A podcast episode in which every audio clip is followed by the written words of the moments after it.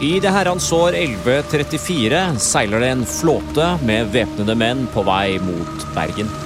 Om bord er et nygift ektepar med ett mål for øyet, nemlig den norske tronen. Bare fire år tidligere hadde det regjert fred og bedagelighet i landet, men etter Sigurd Jorsalsfares død i 1130 startet den norske borgerkrigstiden. Kongemord skulle bli den nye nasjonalsporten i de neste 100 årene. Men i den første fasen var det slett ikke en konge som trakk mest i trådene, men en dronning ved navn Ingrid Rangvaldsdatter. Dette er Alt var bedre før. En podkast av Forsvarsmuseet.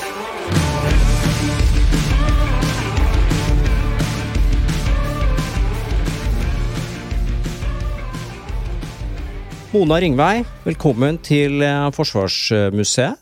Tusen takk. Du er historiker, forfatter, skrevet bok om kvinnen som regjerte Norge i første fase av de norske borgerkrigene. Eh, Ingrid Ragnvaldsdatter.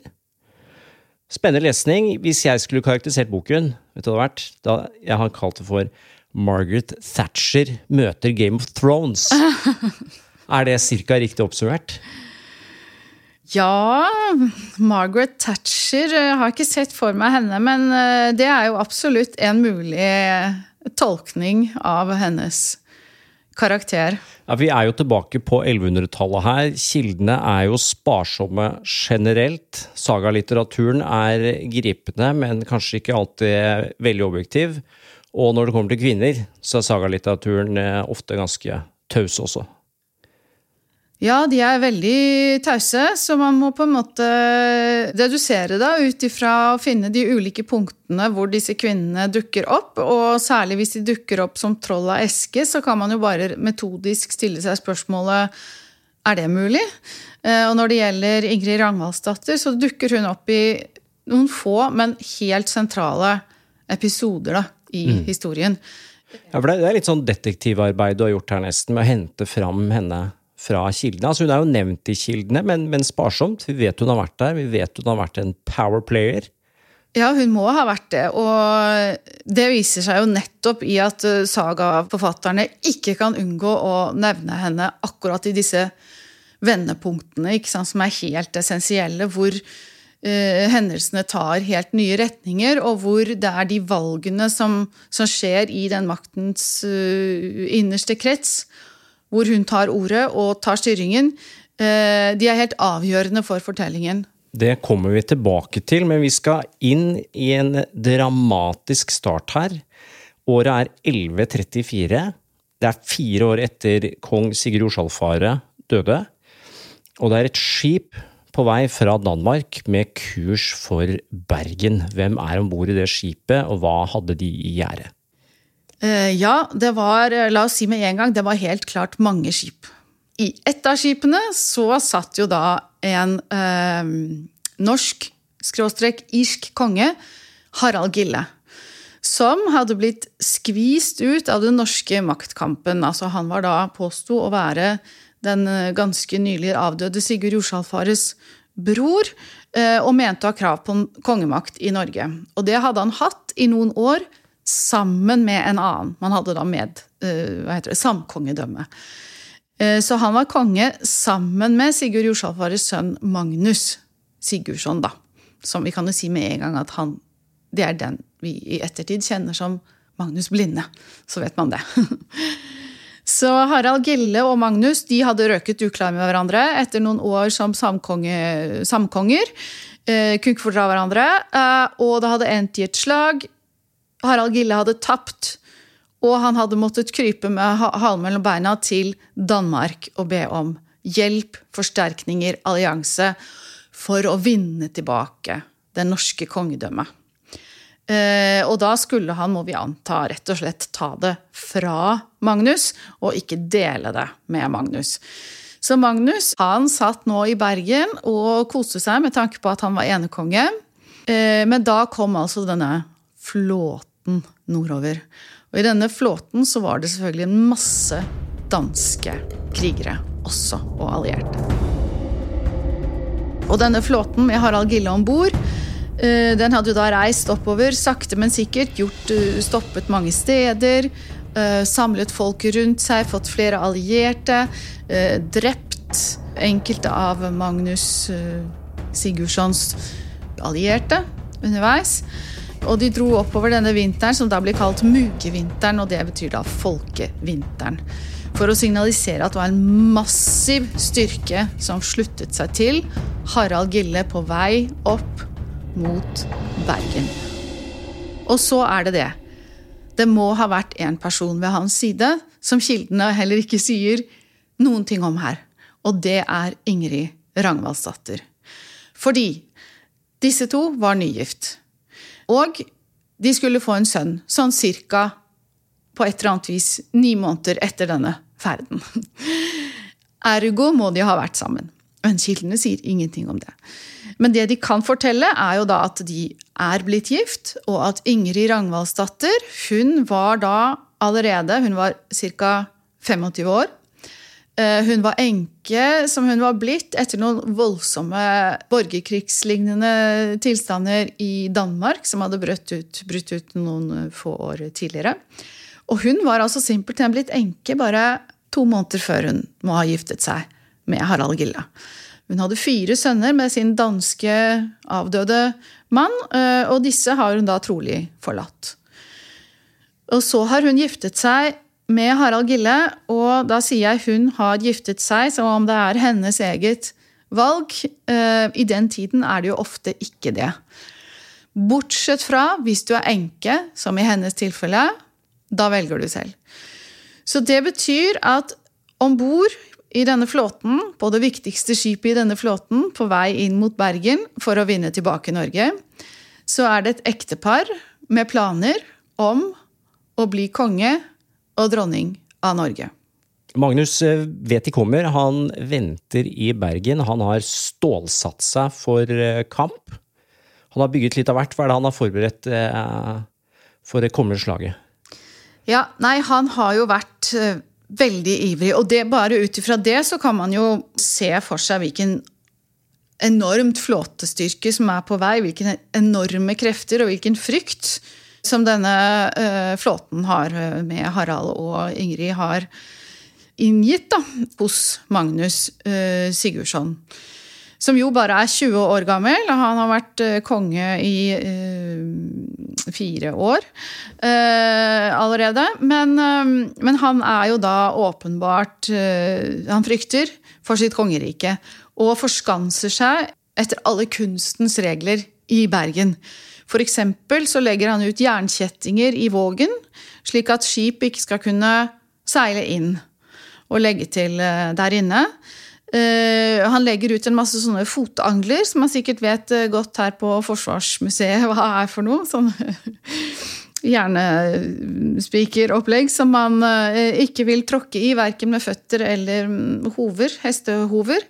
Eh, Som vil hindre enhver invasjonsstyrke, i hvert fall eh, hindre dens hurtighet. Eh, Og dessuten så hadde han også satt ut på, på Holmen der den første katapulten, ikke sant, kastemaskinen, i norsk historie. Dette hadde han fått til, og det er jo et interessant, eh, ambisiøst prosjekt i seg selv at han hadde fått til dette. Men det viser jo at han fryktet det verste. Han fryktet at denne invasjonsstyrken var massiv. Eh, og det var den trolig også, eh, hvis vi tenker tilbake på Snorres betegnelse mugevinteren. Fordi alltid sånne ord i sagaen de har jo en, en ganske ja, dyp mening. ikke sant? Eh, så det var nok en massiv styrke som var på vei. Så han har forberedt seg etter alle kunstens regler, men så skjer det likevel at han blir tatt på senga. Hvordan eh, gikk det til? Det som skjer, som kanskje ikke var overraskende for Magnus, eh, men bare for oss, det er det at eh, når Harald Gille kommer til Bergen, så er det jul. Og man driver ikke med drap og den slags kriging i jula på denne tiden. Dette er jo mennesker som har et nært forhold til den katolske kirken og dens krav om å gå til messe og diverse. Så eh, både her som i andre fortellinger i kilder fra samme tid, så driver man ikke med drap og lemlestelse i julehøytiden. Man venter gjerne til helligtre kongers aften. Da er det fritt frem. Så, så det skjer også her. Uh, Harald Gille og Ingrid, må vi da tro, selv om kildene ikke sier noe om henne. De legger til utenfor Bergen og venter der og feirer jul. Og så kommer de inn i Bergen en helt annen rute enn det Magnus hadde forutsatt. Hvorpå de spaserer inn, og Magnus' eh, egne folk eh, går i de fellene som de selv har satt for Harald Gille. Altså, de snubler i disse fotangene og ikke sant. Og Magnus eh, Sigurdsson forsøker å flykte, men hvor skal han flykte? Han løper om bord på sitt eget skip. Det er jo ikke så lurt, for han kommer selvfølgelig ingen vei. Det er jo fullt av kjetting i vågen, så skipet kommer ikke ut. Og der blir han rett og slett tatt til fange av Harald Gilles menn. Og blir eh, lemlestet. Han blir altså kastrert, og han får eh, hugget av en fot, og han blir blindet. Derav navnet Magnus Blinde.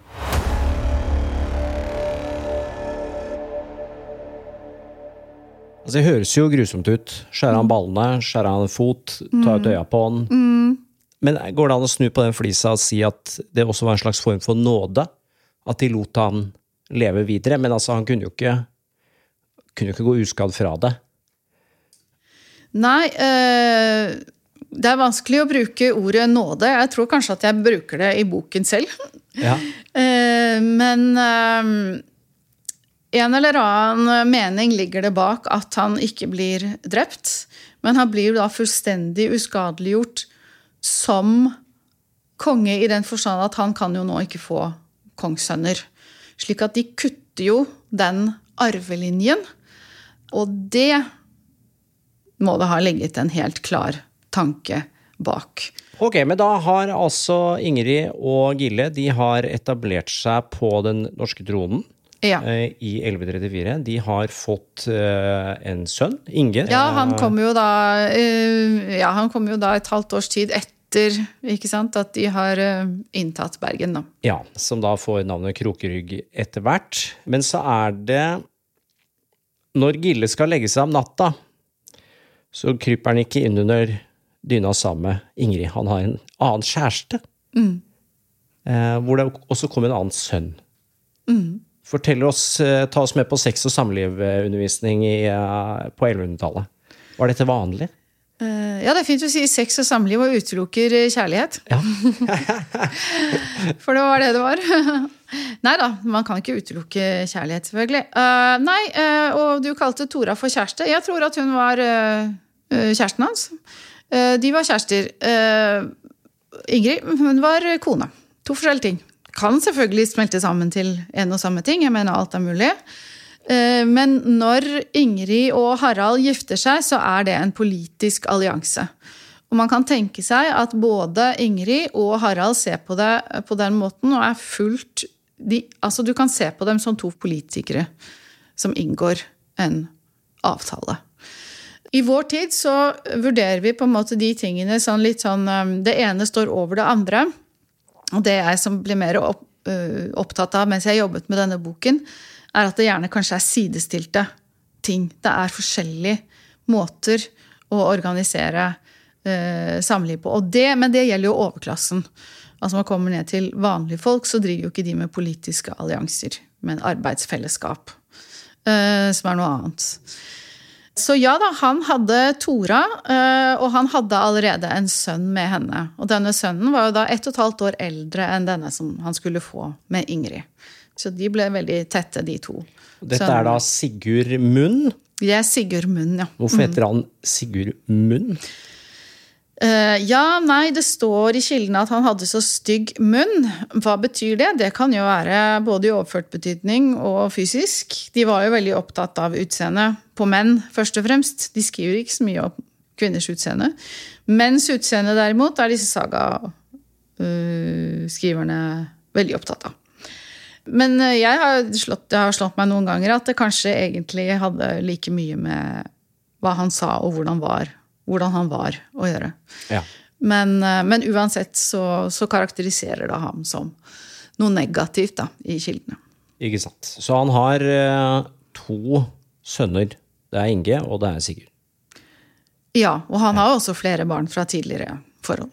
Ja, nettopp. ja. Det, det var ikke noen grenser for uh, hvor mye, mye, mye gøy man kunne ha det som mann. Ja, jeg tror at vi har ofte med oss litt sånn 1800-tallets eh, normative briller når vi ser bakover i tid. Eh, At vi tenker at det var mer prippent og, og, og skam og, og sånne ting enn det det nødvendigvis eh, var. da. Når vi tenker, bare for å forskuttere fortellingen om Ingrid Ragnvaldsdatter, så fikk jo hun ti eh, barn med fire forskjellige fedre, hvorav hun var gift med tre av dem. Eh, og den fjerde giftet hun seg jo ikke med. Så det er noe her som passer ikke hvis vi leser det gjennom 1800-tallets briller. Det er noe annet som foregår i denne historien når det gjelder produksjon av barn i og utenfor ekteskap. Hvem er kjærester, hvem er alliansepartnere? Ja, det er litt sånn Sikkert veldig varierende. Men eh, spillet om tronen, det begynner med en gang, det. Og det er altså to år etter de invaderte Bergen og drepte Nei, ikke drepte blinda Magnus, så blir altså Gille drept i egen seng, holdt jeg på å si. Men det er ikke egen seng, det er i senga til Tora, faktisk. Det er i sengen til Tora. Ja. Hva, hva skjer? Hvem er det som dreper Gille? Ja, det er altså enda en Sigurd, da. Det som er forvirrende med denne fortellingen, er at de alle har jo stort sett samme navn. Ja. De deler på en sånn tre-fire. Dette er Sigurd Slembe, som sikkert eh, mange har hørt om. Eh, Og Sigurd Slembe han er, eh, en måte, han har en del fellestrekk med Harald Gille og en del andre personer i denne fortellingen som kommer etter hvert. Og det er at han kommer på en måte seilende over havet fra vest og sier at 'jeg er kongssønn'. Jeg skal dele kongeriket med deg. Det hadde jo selv Harald Gille gjort. Eh, se hvordan det gikk. Eh, etter mye om og men så hadde han i hvert fall klart å eh, vinne seg dette kongeriket ved å maltraktere Magnus. Men så kommer altså denne Sigurd rekende på ei fjøl og sier at 'hei, jeg er broren din. Jeg skal ha kongemakt sammen med deg'. Det syns ikke Harald Gille var noe særlig god idé, fordi nå hadde jo han ja, jobbet ganske hardt. da. Han hadde jo liksom brakt skjensel og skam over seg selv for å få dette kongeriket, så svaret var nei. Kommer ikke på tale, så han prøvde å få ham drept. Da kommer Sigurd Slembe tilbake med forsterkninger og allianse med danske krefter. Og vet ikke helt på hvilken måte, men helt sikkert helt i toppen der oppe i det danske makthierarkiet har Sigurd Slembe fått støtte og hjelp. Ja, det, det er et tema i denne historien at de, det virker for meg som eh, altså, tronutfordrerne, de norske tronutfordrerne de får alltid hjelp fra Danmark. Ja, Og paradoksalt nok vis så var det jo bare to år siden danskene hadde hjulpet Gille til å ta norske tronen. absolutt. Og nå hjelper de en annen å ta livet av Gille to år etterpå. Ja. Ja.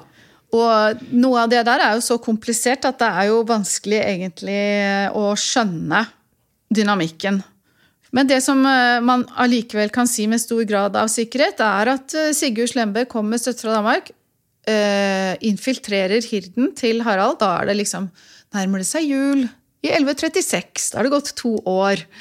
Og så er det en berømt scene i Snorre da, hvor disse hirdmennene som er alliert med Sigurd Slembe, de skal prøve å lokke ut av Harald Gille hvor han skal sove i natt. Om han skal sove hos Ingrid eller hos Tora. Så de, sitter de og vedder om det, da, lurer Harald til å røpe hvor han skal, og så gjør han det. Lar seg gå på limpinnen og sier at han skal sove hos Tora. Og dermed vet jo disse kongemorderne hvor de skal gå. Og der er han jo helt ubeskyttet i hennes herberge, så han blir drept om natten i sengen. For andre gang på bare to år blir Ingrid enke. Med Harald Gille ute av bildet er hun brått ikke dronning lenger heller, og Sigurd Slemme, kongemorderen, han tar umiddelbart grep for å sikre tronen for seg selv. Nå har jo han drept kongen. Så han stiller seg ut i vågen på et skip og proklamerer overfor folk som stimler sammen der, at han har drept broren sin, kongen. Ergo så er han konge i Norge. Så de har bare å bukke og takke og liksom ta ham til konge.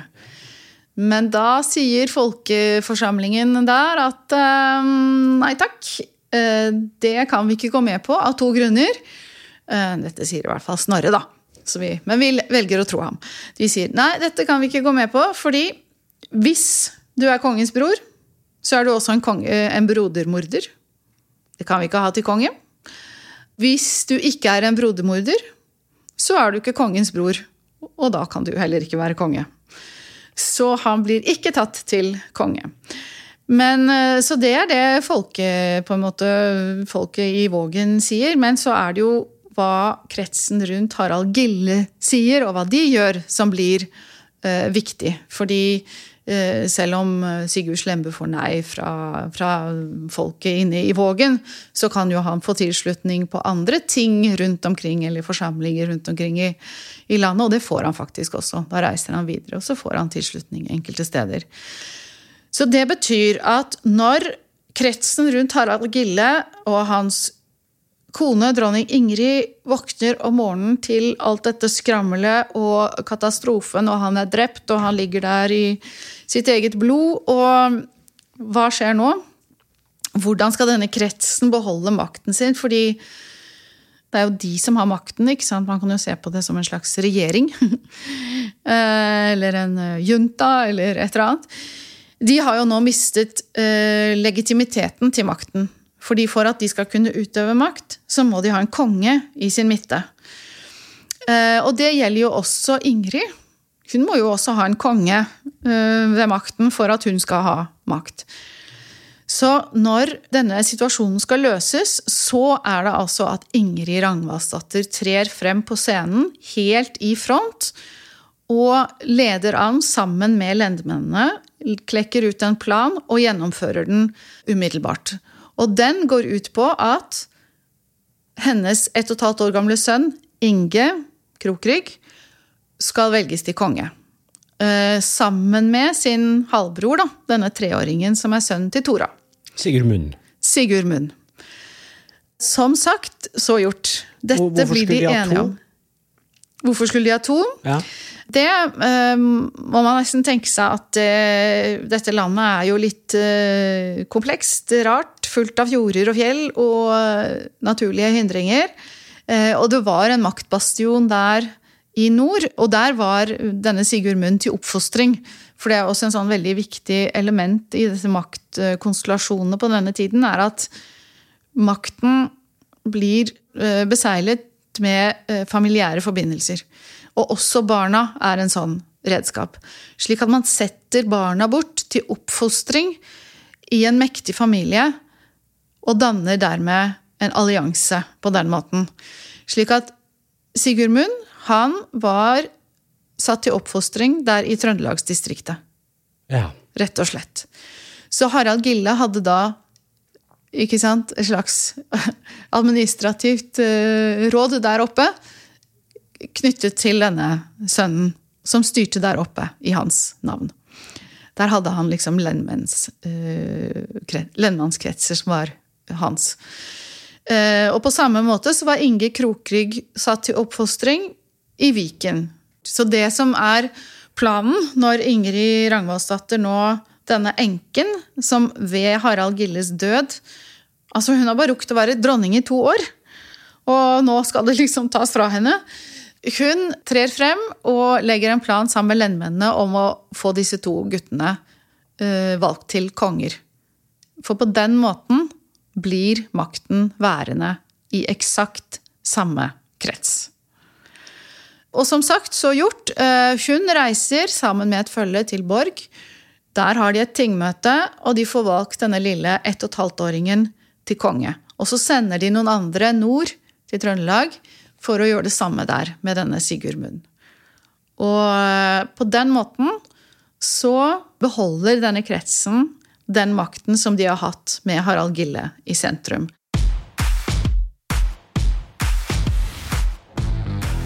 Her på museet oppfordrer vi alle til å studere historien så nært som mulig, enten gjennom gjenstander eller primærkilder.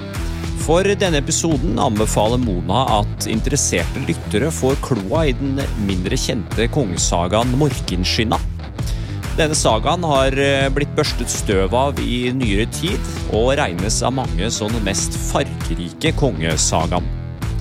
Morkinskinna der, altså. Tilbake til episoden. Og da er spørsmålet heretter så beskriver jo sagaene maktutøverne som disse to små barna. Eh, og det er jo da jeg legger eh, en del vekt på at den mest sannsynlige sentrale aktøren i denne kretsen i de neste ti årene, det er Ingrid Ragnvaldsdatter. Ja. ja, det kan jo ikke ha vært barna. Det har ikke vært barna, det, det, det, trenger man ikke å diskutere. Nei. Men veldig mange vil jo da se til alle disse andre lendmennene. ikke sant? Det har jo da historikere hatt en tendens til å gjøre. De plukker ut noen av disse lendmennene. Eh, men det som eh, karakteriserer den kretsen da rundt disse to små guttene i årene som kommer, det er jo at de Det er jo en viss sånn utskiftning.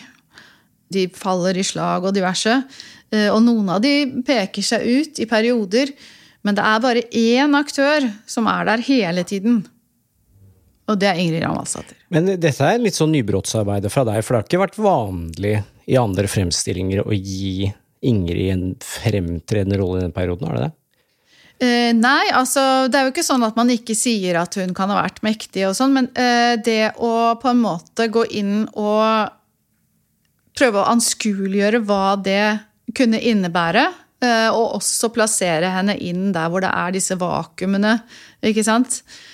Og denne tausheten råder. Og, og, og se hva ville det bety hvis hun faktisk var mektig. Hva innebærer det? Så det er det jeg har forsøkt å gjøre. Eh, mm. Ja, for det er eh, umiddelbart disse, under disse barnekongene så må det tas uh, tøffe avgjørelser. Det er Borgerkrigen raser videre. Sigurd Slembe han har ikke tenkt å gi seg. Og på et tidspunkt her så kommer vel hele den danske Leidangen og angriper Norge. Ja, det skjer jo flere uh, angrep på Norge etter at uh, denne lendmannskretsen med Ingrid Rangvaldsdatter i sin midte, da, har beholdt makten eh, ved å ha disse to små guttene som konger. Eh, det er åpenbart ikke etter den danske kongens eh, smak, og det er ikke etter Sigurd Slembes smak. Og han allierer seg da også med Magnus Blinde. Henter ham ut av klosteret. Ja, for han lever jo ennå. Ja. Hva, hva, skulle han med Magnus, egentlig? Nei, man kan jo tenke seg den legitimiteten han eh, representerer. ikke sant? Det er noe med å ha en konge i sin midte, eh, og Magnus er tross alt sønn til selveste Sigurd Jorsalfare, og det var ingen hvem som helst. Så det kan man tenke seg, og Magnus selv kan jo ha hatt både ett og to hevdmotiver. Eh, det vet man ikke. Han kan jo også bare ha blitt brukt, stakkars. Men han så jo ingenting. Han kunne ikke gå. Han ja. Kan, kan jo tenke seg at han har blitt litt bitter. Han har sittet på det klosteret og hatt mye tid til å tenke. Og ikke sant? Han ser ikke lenger og ja. ja. Uansett så, så, er det jo da en allianse mellom Sigurd Slembe, han gir seg ikke, og han får uh, forsterkninger fra Danmark ved flere anledninger. Og i den situasjonen uh, så skjer det noe interessant som sagaene ikke kobler direkte, men de hopper litt frem og tilbake i kronologien. Eh, Og sånt noe. Og hvis man bare rydder litt i den kronologien som de gjerne roter til av fortellertekniske årsaker, eh, så kan man se at Ingrid Rangvassdatter hun inngår et nytt ekteskap. For tredje gang. For tredje gang. Ja. Og det er ikke snakk om at noen andre enn hun selv bestemmer og hvem hun skal gifte seg med. Hun er trolig verge for Ingis uh, kongsarv også. Ikke glemme elementet av jordeiendom som en sånn veldig uh, viktig basis for også den politiske makten. Og det er ingen andre der som har på en måte tilgang til den arven enn henne. Ifølge lovene.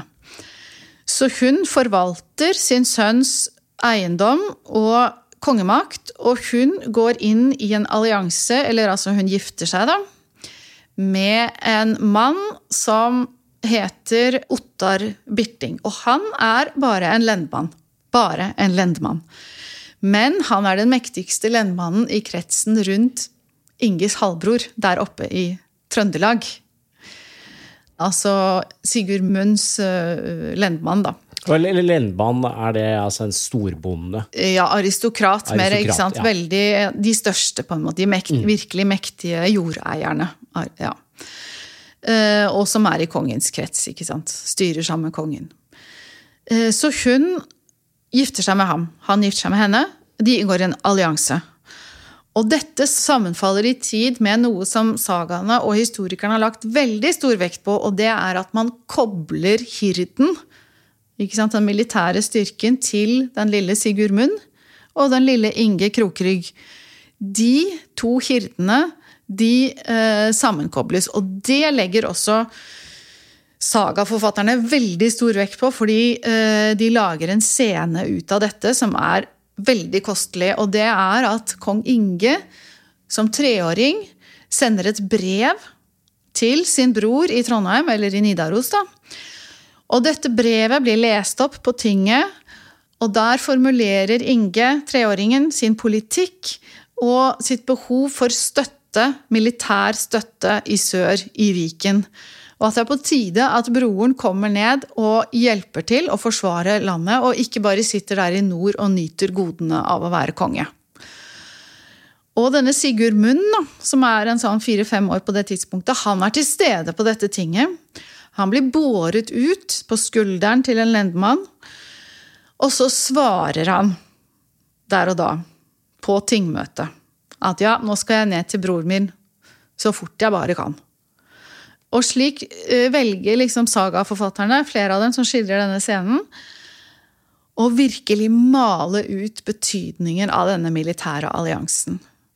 Og så er det det at historien også viser at umiddelbart, eller altså innen få måneder, da, så klarer disse to samlede hirdstyrkene, disse to guttenes respektive hirder, i fellesskap å slå tilbake disse angrepene fra Sigurd Slembe og Magnus Blinde med støtte fra danske eh, krefter. Og dette skjer der nede ved Hvaler i et grusomt slag, som også skildres i ganske detalj, for dette er viktig. eh, Hvor både Magnus Blinde og Sigurd Slembe blir drept. Dette er i 1139 på Ja. Hvaler. Ja. Slaget ved Holmen Grå. Og det, det er verdt å minne om at dette, alt dette vi har snakket om nå, er innen fem år. En femårsperiode Ja. fra de kom til Bergen, og tidlig da får eh, Magnus Blinde og Slembe drept. Også her er det makabre scener. Hva, hva gjorde de med Slembe? Eh, Han ble torturert til døde. Han ble eh, flådd, pisket, hengt opp ned. Altså eh, Det er en eh, ganske grusom skildring som går igjen i mange kilder, så det er åpenbart noe som har satt gjort sterkt inntrykk på mange vitner. Eh, Det kan man også se når sagaene refererer til hvem som har sett og hvem som har sagt og sånn. Og også den danske eh, kilden Saxo Grammaticus eh, refererer jo til denne scenen. Eh, Og Sigurd Slembe han hadde jo da noen kretser, særlig i Danmark, som var begeistret for ham. Men eh, Saxo er, som dansk eh, krønikeforfatter er jo blant dem som snakker pent om Sigurd Slembe, og det at han resiterte Davids salmer mens han ble torturert. Og at han eh, Han skrek ikke, han hylte ikke, han protesterte ikke, han bare messet frem. Ikke sant? Så viser man at han var en virkelig kristen sjel med all tillit til ikke sant? Gud og Ja, vi, vi, eh, Inge Krokrygg, han var ikke gamle gutten. Han var ikke der, han, tror vi. Nei, han skildres ikke som deltaker her. Her skildres eh, lendmennene. Er, er eh, Ottar Birting, altså eh, Ingrids nye mann, er han der? Ja. Ja. Tror vi han leda an i slaget der, kanskje? Uh, han har i hvert fall vært en, eh, en viktig deltaker, men den skildringen som skjer i sagaene, det er jo da hvordan han står sammen med to av Inge Krokryggs uh, lendmenn og forlater åstedet når Sigurd Slembe blir torturert. Jeg vil ikke se det. De vil ikke se det. Med Slembe og Magnus Blindes død sikret Ingrid og kretsen hennes tronen for sønnen Inge Krokrygg og halvbroren Sigurd Munn. Nå skulle jobbes for fred og konsolidering av makten, og hvilken bedre måte å gjøre det på enn å bygge kirker. I denne påfølgende perioden så blir Hovedøya kloster bygget, og det er flere klostre på Vestlandet, Lyse kloster blant annet, blir bygget, og det blir bygget klostre i Sverige. Og perioden som sådan er da karakterisert av en enorm uh, interesse hos de skandinaviske kongekretsene for å bygge både klostre og også kirker. Uh, og samtidig har man andre steder i landet også uh, en enorm vekst i kirkebygging. Eh, og til og med så er man så ivrig at ganske nye kirker blir da revet. Eh, selv om de er fullt funksjonelle, fordi at man nå er veldig opptatt av å bygge stavkirker. Ja, for det er her stavkirkeboomen eh, starter, ja? Ja. Så eh, hvis man regner på dette her og ser for seg hvor mange stillaser og byggherrer og håndverkere som har vært i aktivitet rundt omkring i landet, det sier jo ikke disse sagaforfatterne noen ting om. Så er det liksom en hamring og en slavring og en bygging eh, av en annen verden. Så her skjer det investeringer og en allianse med pavekirken.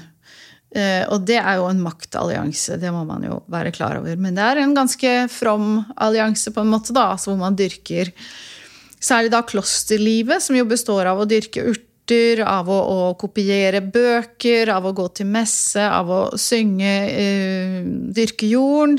Uh, fredelig liv, men fullt av status. Full av verdier.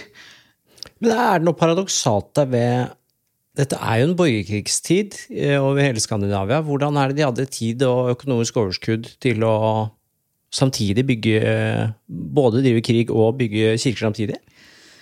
Er det? Eh, ja, nei, det er, det er, ikke sikkert du gjør det helt samtidig. Litt av og på. Men uh, sånn som her er det jo en rolig periode hvor det skjer en veldig uh, heftig byggeaktivitet, og hvor for eksempel da, hvis vi, hvis vi går til klosteret på Hovedøya, da. Det sies jo å ha blitt innstiftet i, 19, i 1146. så det er jo syv år etter slaget ved Holmengrå. Og da må man tenke seg som så at ok, men det ble ikke bygget på en dag. Bak så ligger det planlegging. Reiser til og fra sånne moderklostre for å liksom si har dere lyst til å ha en avdeling i Oslo er ganske fint. Det er litt kaldt om vinteren, men der vi har en øy. ikke sant? Passe stedet. ikke sant? Uh, kunne dere være interessert? Også forhandlinger. og ja, men Det skal være så og så mye, og det skal være i stein. Og det skal være i stein, altså. Vi bygger ikke tre, også, men det er veldig mye tre i Norge. Jo, nei, men vi har stein osv. osv. videre. forhandlinger, og så må det jo reises midler. Ikke sant? Det må finansieres, man må finne håndverkere. må man legge... Dette tar jo tid. Så hvis uh, Hovedøya ble bygget i 46, så er det jo fantastisk uh, sammenfall av tid med at freden senker seg i 39, ikke sant, syv år tidligere. Mm. Og så kommer det, etter noen år, så kommer det et lite konvent, da, altså en ferdig gjeng med, med munker, og bosetter seg der fra England. Ja. Tror du Ingrid var involvert i eh, dette arbeidet med å styrke kirka? Ja. Eller var det kirka selv som gjorde det? Jeg tror at dette her er jo uh, tosidig. Det som det ser ut som, er at uh, Og det står jo i enkelte kilder at det er Inge, kong Inge, har på en måte finansiert. Ikke sant? Vært ja. delaktig. Eh, og da er det bare det at kong Inge er også på det tidspunktet her et ganske lite barn. Så alt tyder da på at kretsen rundt kong Inge, hvor vi da har plassert Ingrid som en sentral aktør, eh, har vært veldig pågående når det gjelder å etablere allianse med kirken. Det er jo også et del av et maktspill, for hvis du på en måte har en nærere allianse med pavekirken, så står du jo også mye sterkere i samfunnet for å kreve annen type maktposisjon. Så kongemakt og kirkemakt det er en uh, inngår i en sånn sterkere uh, allianse på denne tiden. Og da er klosterbygging og kirkebygging et viktig element av dette. Det er en tråd vi skal følge opp i neste episode. Hvor eh, de skal jobbe iherdig for å få et vaskeekte erkebispedømme lagt til Norge. Følg med neste uke. Bye.